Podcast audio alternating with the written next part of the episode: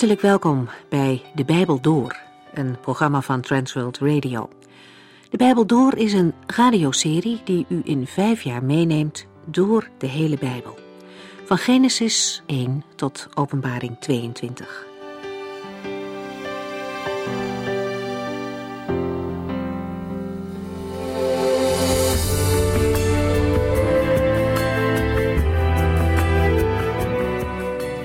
We hebben inmiddels het Bijbelboek Ezra afgesloten.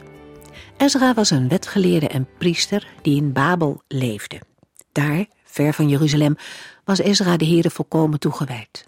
En kenmerkend voor Ezra was dat hij zeer goed onderlegd was in de wetten van de Heere.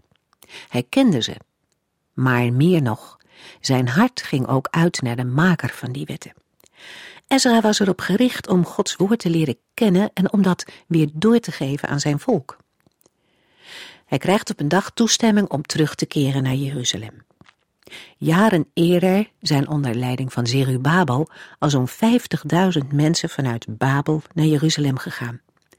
En zij hebben een begin gemaakt met de herbouw van Jeruzalem en de tempel en met het herstel van de eredienst. Met de komst van Ezra en enkele jaren later ook van Nehemia krijgt dat een vervolg. We zagen in het boek Ezra al dat de wederopbouw met veel tegenstand te maken had. Van buitenaf probeerden mensen het werk stil te leggen, maar ook intern waren er problemen om op te lossen. De afgelopen keren lazen we over de maatregelen die Ezra moest nemen omdat veel mensen uit Gods volk gemengde huwelijken met mensen uit vijandige volken hadden gesloten. En terwijl de mensen in de stroom en regen staan, wijst Ezra hen op hun ongehoorzaamheid aan de Heere. Het volk rilt, van de regen, maar ook vanwege de woorden die Ezra spreekt. Hij roept hen op om terug te keren naar de Heere en hem weer te gehoorzamen. En die boodschap mist zijn uitwerking niet. Het volk maakt er ernst mee om helemaal weer voor de Heere te gaan leven. Zoals er in Jeruzalem veel puin geruimd moest worden voordat er opnieuw gebouwd kon worden, zo moest er ook in de levens van de bevolking eerst puin weggeruimd worden om ruimte te maken voor geestelijke opbouw. Dertien jaar na Ezra's komst reist ook Nehemia naar Jeruzalem. Hij is net als Ezra zeer toegewijd aan de Heer en onder zijn leiding wordt de stadsmuur herbouwd. We maken vandaag een begin van het boek Nehemia.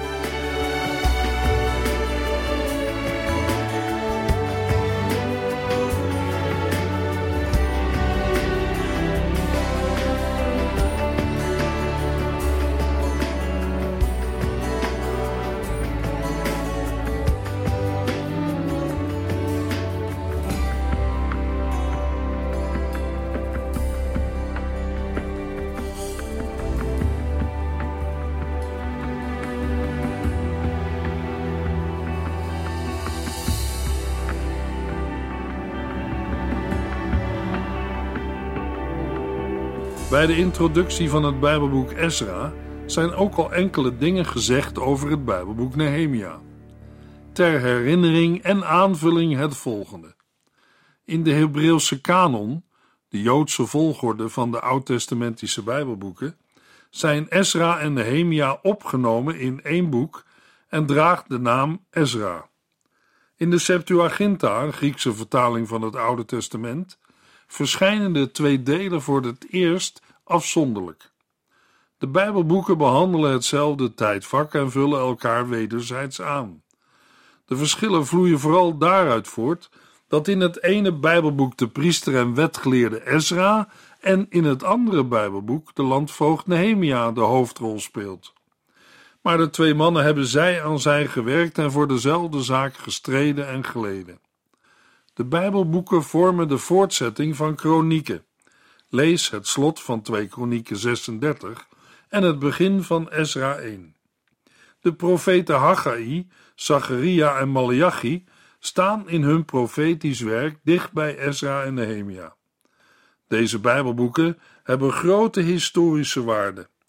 Zij vormen de enige historische documenten die ons, tenminste ten dele, informeren over de geschiedenis van Israël in de periode tussen de verwoesting van Jeruzalem en de strijd van de Maccabeeën. De Bijbelboeken Ezra en Nehemia beschrijven een tijdsperiode van ruim 100 jaar. De periode begint met de terugkeer van de eerste ballingen onder leiding van Zerubabel in het jaar 538 voor Christus. Esra 1 en 2. En eindigt met het tweede verblijf van Nehemia in Jeruzalem in het jaar 433 voor Christus. Nehemia 13. In chronologische volgorde zijn de belangrijkste gebeurtenissen ten tijde van Esra en Nehemia de volgende: het edict op bevelschrift van Cyrus of Chorus en de terugkeer onder Zerubabel en Jezua, ongeveer 50.000 ballingen. Daarna volgen de herbouw van het altaar van God, de viering van het Loofhuttenfeest, het begin van de tempelbouw en de stop van de herbouw van de tempel. In het jaar 520 voor Christus begint het optreden van de profeten Haggai en Zacharia en wordt de herbouw van de tempel hervat. Vijf jaar later volgt de inwijding van de tempel in de maand Adar, de laatste maand van het jaar, en de viering van het Pascha op de veertiende dag van de eerste maand. Tussen Esra 6 en 7 zit een leemte van 57 jaar. Daarin kunnen we de gebeurtenissen uit het Bijbelboek Esther invoegen. In 458 voor Christus verlaat Ezra Babylon en keert met ongeveer 1500 Joodse mannen met hun gezinnen terug naar Jeruzalem. Tussen het einde van het Bijbelboek Esra en het begin van Nehemia zit een leemte van 12 jaar. In het jaar 446 voor Christus hoort Nehemia van de ellende van de Judeërs die uit ballingschap waren teruggekeerd naar Jeruzalem. Ongeveer een jaar later maakt Nehemia de reis naar Jeruzalem en wordt in 52 dagen de stadsmuur van Jeruzalem herbouwd. Daarna is er weer een leemte van 12 jaar, die samenvalt met Nehemia's terugkeer naar het winterpaleis of beurt van koning Artaxerxes in Susa of Suzan. In 433 voor Christus reist Nehemia voor de tweede maal naar Jeruzalem. Het Bijbelboek Nehemia is voor een groot deel in de ik-vorm geschreven en berust op de persoonlijke memoires van Nehemia. Aangezien de stamboom van Eliasib loopt tot Jadua, een tijdgenoot van Alexander de Grote, zijn de beschreven gebeurtenissen geruime tijd daarna op schrift gesteld. In ieder geval de twee voornaamste bronnen waarop wordt teruggegrepen, namelijk de door Ezra en Nehemia zelf gemaakte verslagen, te herkennen aan de ik-vorm. Daarnaast heeft de schrijver verschillende familieregisters en andere lijsten te hulp geroepen. Bijvoorbeeld lijsten met namen van teruggekeerde Joodse ballingen, van de bouwers aan de muur en van de priesters en levieten. De echtheid van de Bijbelboeken krijgt bevestiging vanuit de Bijbelboeken Haggai en Zacharia. Zoals al is aangegeven bij uitzendingen over het Bijbelboek Ezra, is de boodschap van beide Bijbelboeken in twee woorden samen te vatten: herstel van het huis van de Here, herbouw van de tempel, en herstel van de relatie met de Here, reformatie. Voordat het zover was, moest aan twee voorwaarden worden voldaan: de algehele terugkeer naar de Here en strikte eerbiediging van de wet van Mozes.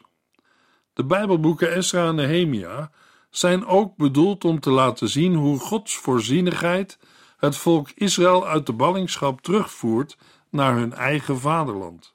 Maar ook hoe de Heere waakt over de reorganisatie van de herrezen staat Israël, terwijl de vijanden van binnenuit en van buitenaf hen aan alle kanten dwars zitten. Aan het slot van het Bijbelboek Ezra stonden we stil bij de gemengde huwelijken van de Joodse ballingen. Deze ongeoorloofde verbintenissen met de vreemdelingen stonden de wederopbouw in de weg. Ezra stuurt de vreemde vrouwen en de half heidense Samaritanen weg. Israël moet een volk van afzondering zijn. Dat geldt ook vandaag voor de gemeente van Jezus Christus. In 2 Korintiërs 6, vers 15 tot en met 18 staat: En wat voor gemeenschappelijks heeft een gelovige met iemand die niets van Christus wil weten? Wat voor eenheid kan er bestaan tussen Gods tempel en die van de valse goden? Ja, wij zijn de tempel van de levende God, die heeft gezegd: Ik zal bij hen wonen en bij hen zijn. Ik zal hun God zijn en zij zullen mijn volk zijn. Ga daarom uit hun midden weg, keer u van hen af en raak het onreine niet aan. Dan zal ik u aannemen. Ik zal uw vader zijn en u zult mijn zonen en dochters zijn, zegt de Heere, die alle macht heeft. Luisteraar, waar ziet een mens dat de Heere alle macht heeft? Het is een vraag waar velen mee worstelen en waar anderen voor gebogen zijn. Voor hen is er geen almachtige God die alle macht heeft, maar hij is er wel. Daarvan getuigt het Bijbelboek Nehemia. Nehemia 1, vers 1 en 2. Memoires van Nehemia, de zoon van Gagalja, in de negende maand van het twintigste regeringsjaar van koning Artaxerxes van Perzië, bezocht Ganani, een van mijn broers, mij terwijl ik in het paleis in Susa was. Hij was met nog enkele mannen uit Juda gekomen. Ik informeerde naar de omstandigheden in Jeruzalem en hoe het ging met de Judeërs die uit ballingschap waren teruggekeerd naar Jeruzalem.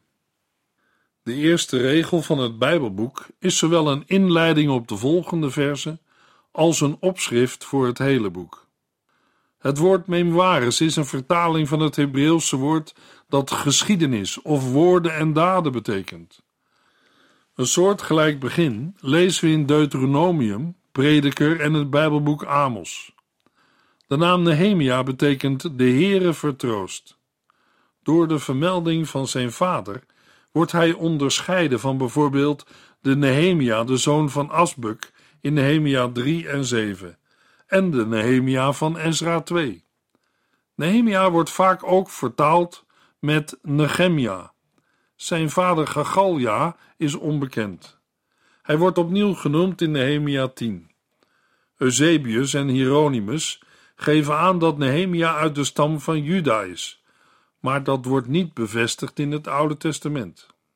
Apocryfe geschriften zoals Jezus Sirach en het tweede boek Maccabeeën noemen Nehemia als degene die de muren, poorten en huizen van Jeruzalem herstelde en dat hij een belangrijke rol speelde in het herstel van het Loofhuttenfeest en in het aanleggen van een bibliotheek. De negende maand is de maand Kislev en te vergelijken met onze maanden november-december. De naam van koning Artaxerxes kwamen we al tegen in het Bijbelboek Esra. Deze koning legde eerder de bouwstil van de tempel en de muren van Jeruzalem. Susa of Suzan is een van de hoofdsteden van Babel. De citadel wordt onderscheiden van de stad. Susa was de winterresidentie en Ekbatana de zomerresidentie.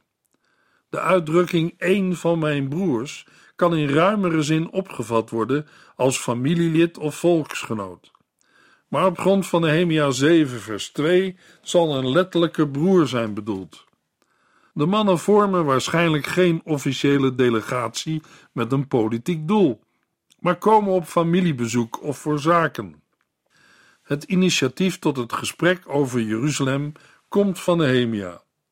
Nehemia vraagt hoe het ging met de Judeërs die uit ballingschap waren teruggekeerd. De uitdrukking is de basis voor de latere gebruikte uitdrukking de Joden. Voor de ballingschap is meestal sprake van Israëlieten of Judeërs. Na de ballingschap van Joden, omdat Juda de grootste stam is van de teruggekeerden en de Judeërs ook in de omgeving van Jeruzalem wonen. Voor het woord teruggekeerd staat in de grondtekst ontkomenen. Het geeft iets aan van de beleving van Nehemia. Ondanks zijn hoge positie voelde hij zich niet thuis in Babel. Hij vraagt naar het lot van zijn volksgenoten en naar de hoofdstad Jeruzalem. Het is aannemelijk dat hij wist van het eerdere vertrek van Ezra naar Jeruzalem.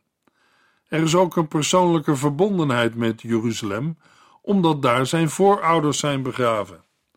Had Nehemia of zijn familie ook een huis in Jeruzalem, omdat hij weet dat dit hersteld moet worden. Nehemia 1, vers 3. Zij verkeren in grote moeilijkheden, antwoorden mijn bezoekers. De stadsmuur van Jeruzalem ligt nog steeds in puin en de poorten zijn in vlammen opgegaan. Het antwoord is teleurstellend. De overgeblevenen in de provincie verkeren in grote moeilijkheden. De provincie Juda of Jehud was een onderdeel van de vijfde satrapie Trans-Eufraat, een bestuursgebied en de landstreek over de rivier Eufraat. Ezra en Nehemia hebben veel te maken met spot, hoon en verachting. Maar daarbij is niet alleen het volk doelwit, maar ook de God van het volk. De stadsmuur van Jeruzalem ligt nog steeds in puin en de poorten zijn in vlammen opgegaan. Door dit antwoord wordt de lezer voorbereid op wat er verder in het Bijbelboek Nehemia staat beschreven. Nehemia zelf reageert heftig. Hij huilt en bedrijft dagenlang rouw. De verwoesting door de Babyloniërs, ongeveer 140 jaar eerder, was zeker bekend bij Nehemia. Zijn emotionele reactie moet te maken hebben met recentere ontwikkelingen. Waarschijnlijk is zijn teleurstelling groot omdat Ezra en veel anderen wel zijn teruggekeerd, maar geen vooruitgang hebben geboekt. Het is ook aannemelijk dat Nehemia heeft gehoord van het verzet van Regum en Simsai en de beslissing van Artaxerxes. De mededeling dat de muur afgebroken is, betekent niet dat er geen stuk meer overeind staat, maar dat er grote gaten in de muur zijn en dat deze ongeschikt is voor verdediging. De poort is gedeeltelijk van hout en kan daarom verbranden. Nehemia 1 vers 4 Toen ik dat hoorde, ging ik zitten en barstte in tranen uit. Dagenlang was ik diep bedroefd. Ik weigerde te eten en bad voortdurend tot de God van de hemel. Net als bij Ezra loopt Nehemia's rouw uit op een gebed. We ontmoeten een man die leeft met de Here. En in de volgende verse volgt het eerste gebed van de negen gebeden die we in het Bijbelboek Nehemia vinden. Nehemia vast en bidt tot de God van de hemel. Net als Ezra geeft Nehemia aan zijn ontroering uiting door in het stof op de grond te gaan zitten, door zijn tranen de vrije loop te laten, door het dragen van uiterlijke tekenen van rouw en door zich te onthouden van eten en drinken. De periode van rouw staat niet vermeld, maar maanden later staat Nehemia's gezicht nog treurig. De schok die het nieuws bij Nehemia oproept, heeft mogelijk ook te maken met de vraag of hij zelf iets aan deze omstandigheden moet doen. Zou de Heere hem roepen tot een taak waarbij hij zijn hoge positie kan gebruiken? De uitdrukking God van de hemel was in de tijd van Esra en Nehemia een gebruikelijke term. Hij werd ook gehanteerd door Cyrus in Ezra 1 vers 2. De woorden werden ook gebruikt als aanduiding voor de God van Israël. Nehemia 1 vers 5 Ach Heere, God van de hemel, bad ik. O grote en onzagwekkende God, u die uw belofte houdt en uw goedheid toont aan wie u liefhebben en uw geboden gehoorzamen. Nehemia begint met de aanspraak: Ach Heere, God van de hemel, grote en onzagwekkende God, en beleidt vervolgens dat hij het verbond en de verbondstrouw gestand doet ten opzichte van hen die hem liefhebben en zijn geboden onderhouden. Nehemia is goed thuis in de Bijbel. Hij citeert teksten uit Exodus en Deuteronomium. Ze komen terug in Nehemia 9, vers 32 en in Daniel 9, vers 4. Van Israëls kant worden liefde en gehoorzaamheid gevraagd. Laten we nog even stilstaan bij het woord onzagwekkend. Het is een woord dat vaak verkeerd wordt begrepen. Het is een aanduiding die alleen op de Heere van toepassing is. Hij is met niemand te vergelijken. De Heer is een heilig God. De Heer is de ontzagwekkende, omdat Hij gericht kan oefenen met verschrikkelijke oordelen. Maar de Heer is ook de God die zijn belofte houdt en zijn goedheid toont aan wie hem liefhebben en zijn geboden gehoorzamen. In het algemeen hebben wij mensen het moeilijk met deze dingen. Oordeel en genade gaan in onze beleving moeilijk samen. Het is één van de twee. Maar bij de Heer is dat anders. In Ezra 9 hebben we even stilgestaan bij de verrassing van de genade van God. Ezra moet zeggen: U zult ons ongetwijfeld veroordelen. Hoe kunnen wij u zo onder ogen komen? En in Ezra 10, vers 2 lezen we: Toch is er nog hoop voor Israël. Dat is het onverwachte van de genade van God. Dat is onzagwekkend. Ik kan er in ieder geval niet met mijn verstand bij. En toch is de Heere zo'n God. Daarom heeft het zeker altijd zin om tot hem te bidden. En dat doet Nehemia. Hij kan en wil nergens anders naartoe dan met zijn nood, verdriet en zonde naar de Heere gaan. Nehemia 1 vers 6 Luister toch naar mijn gebed. Zie toch dat ik dag en nacht tot u bid voor uw volk Israël. Ik beleid dat wij tegen u hebben gezondigd. Nehemia pleit dag en nacht voor Gods volk en doet beleidenis van zonden. Hij bidt ook ik en mijn familie, wij hebben gezondigd. Hoe dan? Door de geboden die de Heer aan Mozes had gegeven niet te onderhouden. Nehemia zegt: Ik beleid dat wij tegen u hebben gezondigd. Ook mijn familie en ik hebben gezondigd, want wij hebben de geboden die u ons door uw knecht Mozes hebt gegeven, niet gehoorzaamd. Hiermee erkent Nehemia de rechtmatigheid van de straf. Maar in zijn samenvatting van Deuteronomium 30 bepleit hij dat de Heere na de voltrekking van de straf weer genadig zal zijn en zijn volk laat terugkeren uit de ballingschap. Nehemia voelt zich mede verantwoordelijk voor de daden van Israël en zijn voorgeslacht. Dat is voor ons in onze individualistische maatschappij moeilijk te begrijpen. Toch zou dat niet zo moeten zijn. In dit verband wil ik het gebed van Daniel uit Daniel 9 naar voren halen. De achtergrond van zijn gebed is dat Daniel tijdens het lezen van Gods woord, een gedeelte uit het Bijbelboek Jeremia, tot de woorden van het gebed wordt gedrongen. In vers 3 lezen we: Ik begon de Heere God te smeken een eind te maken aan onze ballingschap. Dan zien we bij Daniel dezelfde houding als bij Nehemia. Terwijl ik bad, vastte ik. Ik droeg een ruige zak als kleding en bestrooide mezelf met as. Ik beleed de Heere mijn zonde en die van mijn volk. Daniel en Nehemia hebben niet gedacht, wat wij vaak wel denken, ik was er niet bij, dus kan de Heere mij de zonde van mijn voorouders niet kwalijk nemen. Daar zijn ze zelf verantwoordelijk voor. Dit laatste is zeker ook waar, maar dat wil niet zeggen dat zonde uit het voorgeslacht geen invloed op uw, jouw en mijn leven kunnen hebben. Juist vandaag zullen wij goed en stevig het woord van de Heer op dit punt moeten bestuderen en ons moeten laten reinigen en laten bevrijden van alle negatieve banden met ons voorgeslacht. Daniel en Nehemia erkennen die banden. Daniel bidt: Heere, u bent een grote en ontzagwekkende God. U bent trouw in het nakomen van uw belofte. U bent genadig en goed voor de mensen die u liefhebben en uw geboden naleven.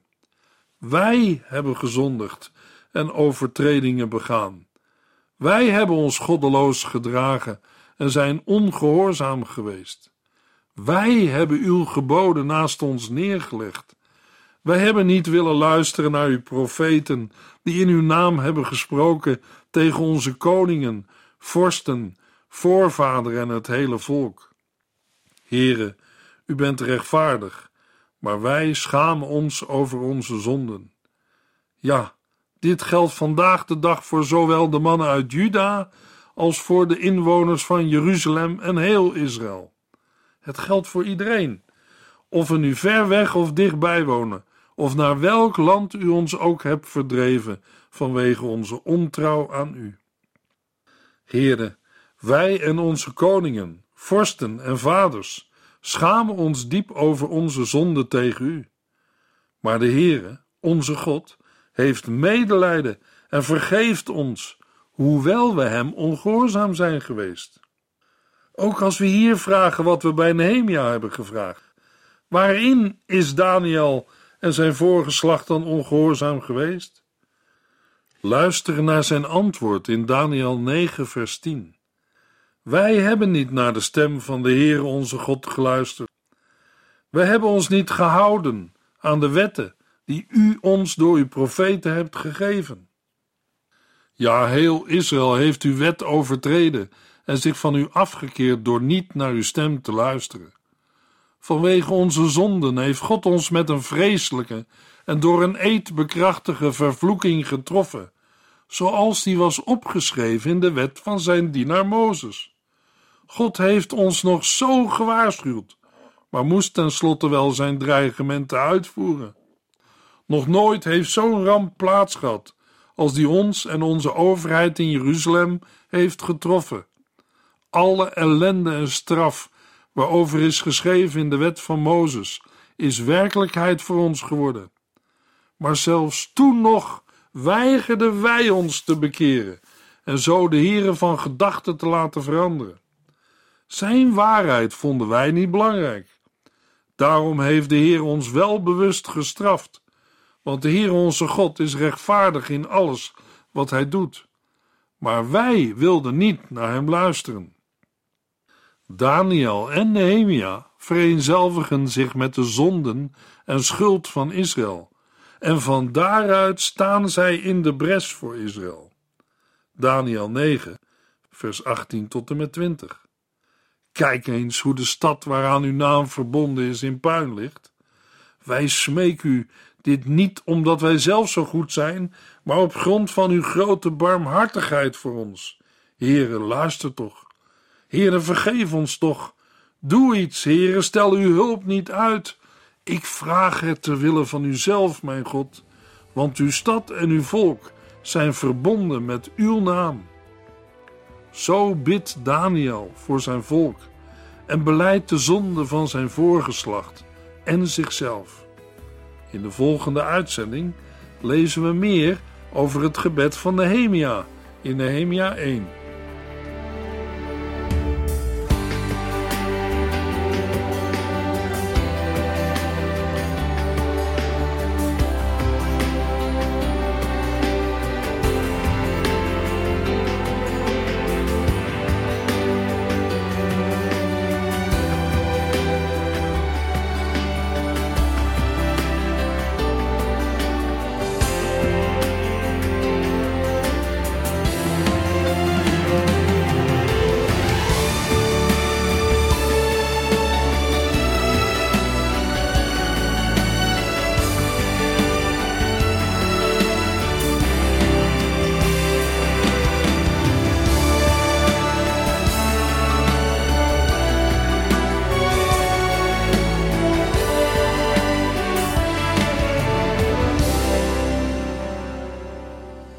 Geluisterd naar De Bijbel Door. In het Nederlands vertaald en bewerkt door Transworld Radio. Een programma waarin we in vijf jaar tijd de hele Bijbel doorgaan. Als u wilt reageren op deze uitzending of u heeft vragen, dan kunt u contact met ons opnemen. Tijdens kantooruren kunt u bellen op 0342 47 8432. 0342 47 8432. 32. Ook kunt u een e-mail sturen naar de Bijbel door transworldradio.nl en natuurlijk kunt u ook via de post ons bereiken. TWR, postbus 371, postcode 3770, AJ in Barneveld. Dit programma werd gepresenteerd door Cor Weda en Ike André. Techniek was in handen van Odin van Woerdekom. En wij allemaal bedanken u voor het luisteren. Graag tot de volgende keer.